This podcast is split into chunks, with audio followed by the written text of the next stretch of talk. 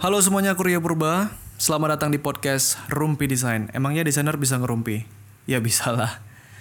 Oke, ke- di episode kali ini teman-teman kita bakal ngerumpiin tentang desainer itu harus kuliah atau bisa otodidak. Nah, ini seru sekaligus sensitif juga ya topiknya nih ya. Jadi kalau aku memihak ke salah satu mungkin pasti ada yang protes nih. Jadi walaupun sebenarnya di sini aku otodidak ya, aku nggak kuliah. Eh, maksudnya aku kuliah sih, tapi tid- latar belakang akademisnya itu tidak di bidang desain atau DKV atau maupun multimedia. Aku kuliah di bidang IT ya, jurusannya itu pempro- pemrograman komputer. Jadi tentang coding dan kawan-kawannya gitu. Tapi eh, walaupun demikian aku mencoba untuk menyampaikan perspektifku senetral mungkin. Oke.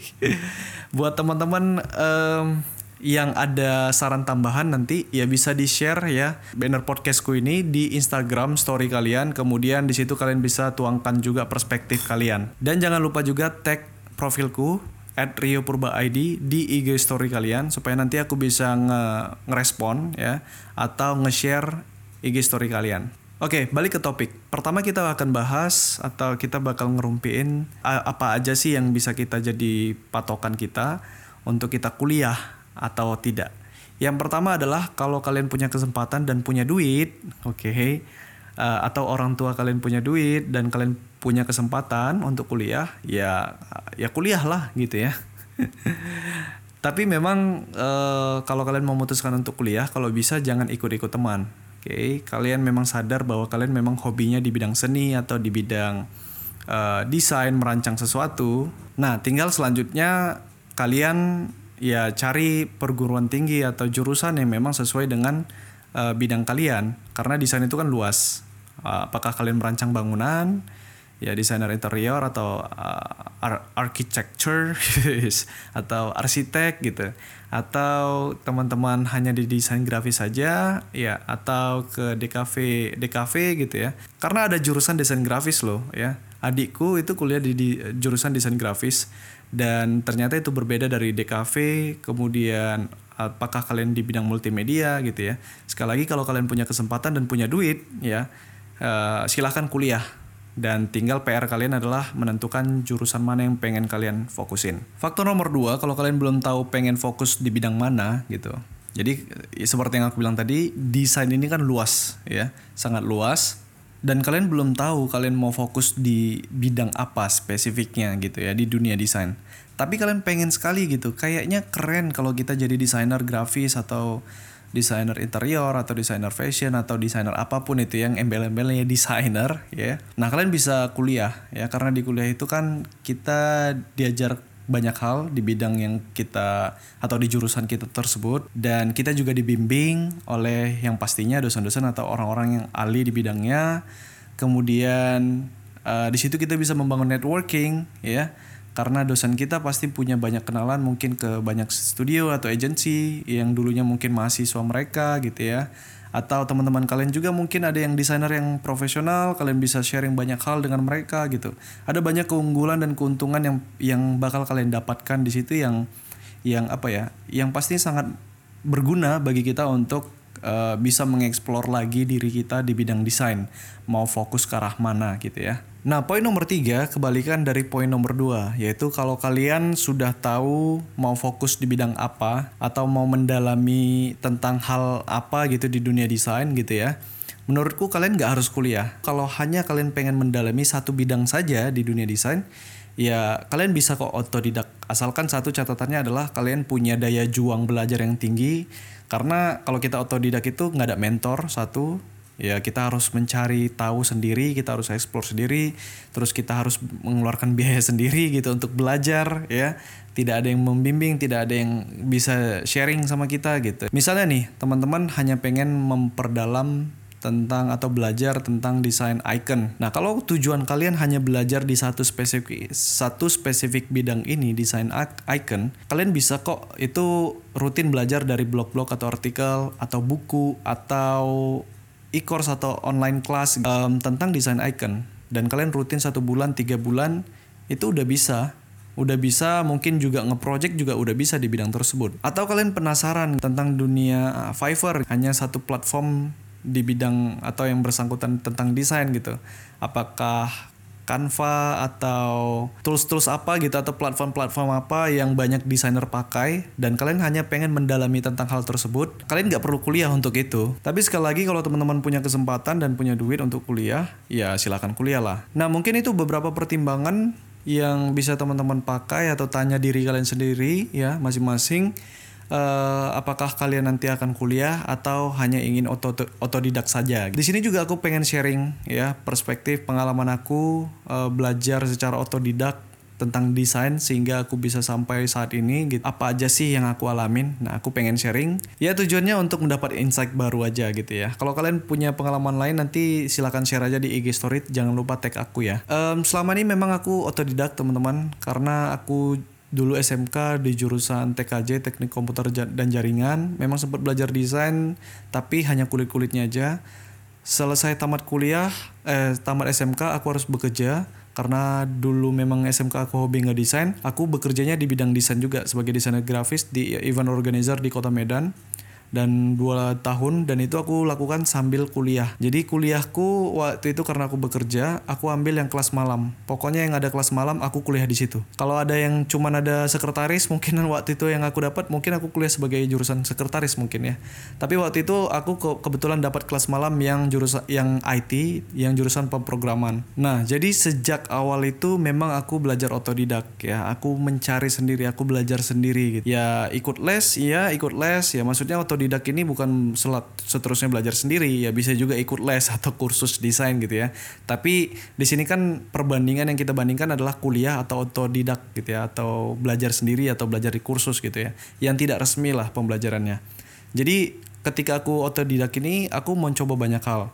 Jadi mulai dari kursus ikut kursus desain di kota Medan terus aku juga sering beli buku dulu ya tapi sekarang nggak pernah lagi beli buku ya dulu sering beli buku tentang desain terus baca blog-blog artikel tentang desain kemudian ikut atau beli e-course e-course desain terus ikut workshop workshop desain banyak lah apa sih yang gak enaknya gitu dari belajar otodidak ini atau berkarir uh, dari otodidak ini? Apa sih gak enaknya? Gak enaknya banyak ya. Yang pertama itu tidak ada yang ngebimbing tidak ada tempat untuk sharing tidak ada yang mengajari. Semuanya itu uh, full dari insting kita aja tuh, dari feeling kita aja. Kira-kira yang mana yang pengen kita dalami, terus setelah kita dalami ternyata banyak uh, salahnya gitu ya. Jadi kita harus mencoba lagi, harus belajar lagi, terus ikut workshop lagi mungkin atau ikut kelas online lagi atau belajar dari baca-baca blog lagi banyak jadi karena kita belajarnya sendiri yang menentukan juga kita sendiri tidak ada yang membantu jadi rate of failure-nya itu apa ya tingkat kegagalannya itu sangat-sangat tinggi cuy. Ya karena kita itu tadi kita berkarir sendiri.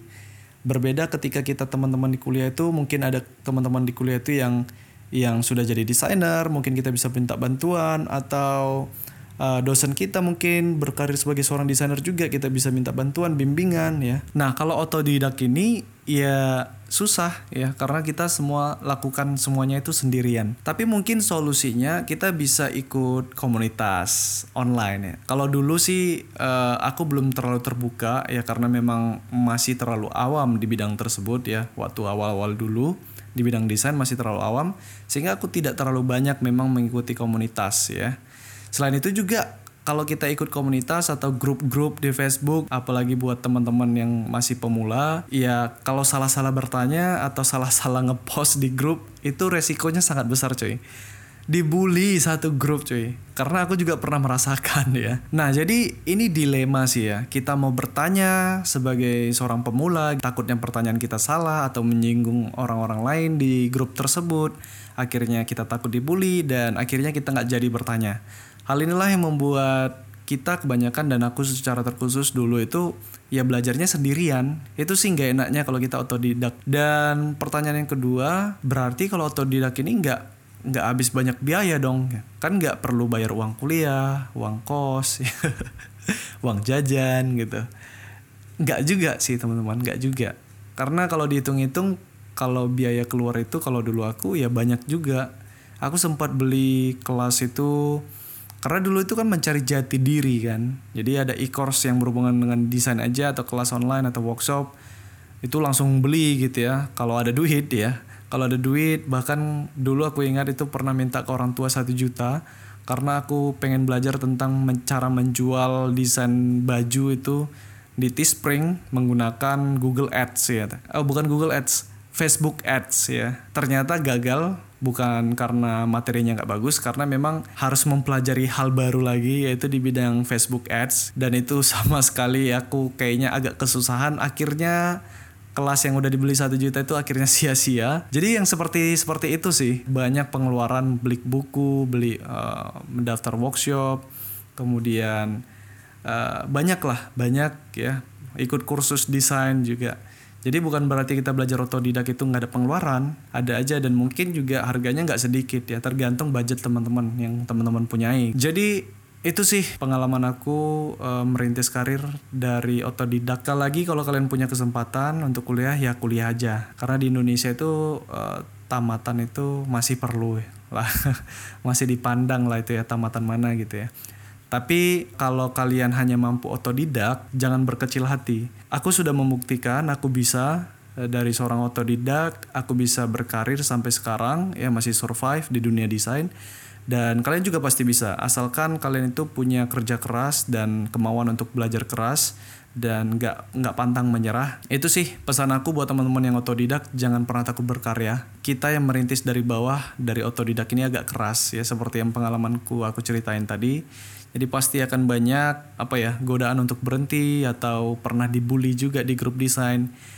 Ya itu mungkin tinggal diperbaiki aja. Kita banyak banyak apa ya mengevaluasi diri kira-kira apa yang menyebabkan kita dibully atau dikata-katain desainer yang nggak mampu gitu ya atau apa yang menyebabkan kita nggak berhasil sampai sekarang itu dievaluasi apakah desain kita memang jelek atau standarnya itu masih terlalu rendah ya atau pemalas membaca gitu atau yang lainnya gitu ya dan itu silahkan dievaluasi dan diperbaiki sehingga nanti mudah-mudahan teman-teman bisa menjadi desainer yang lebih baik lagi dan mudah-mudahan menjadi desainer sukses satu saat nanti. Amin. Jadi itu dulu untuk podcast hari ini. Kita berjumpa di podcast berikutnya. See you.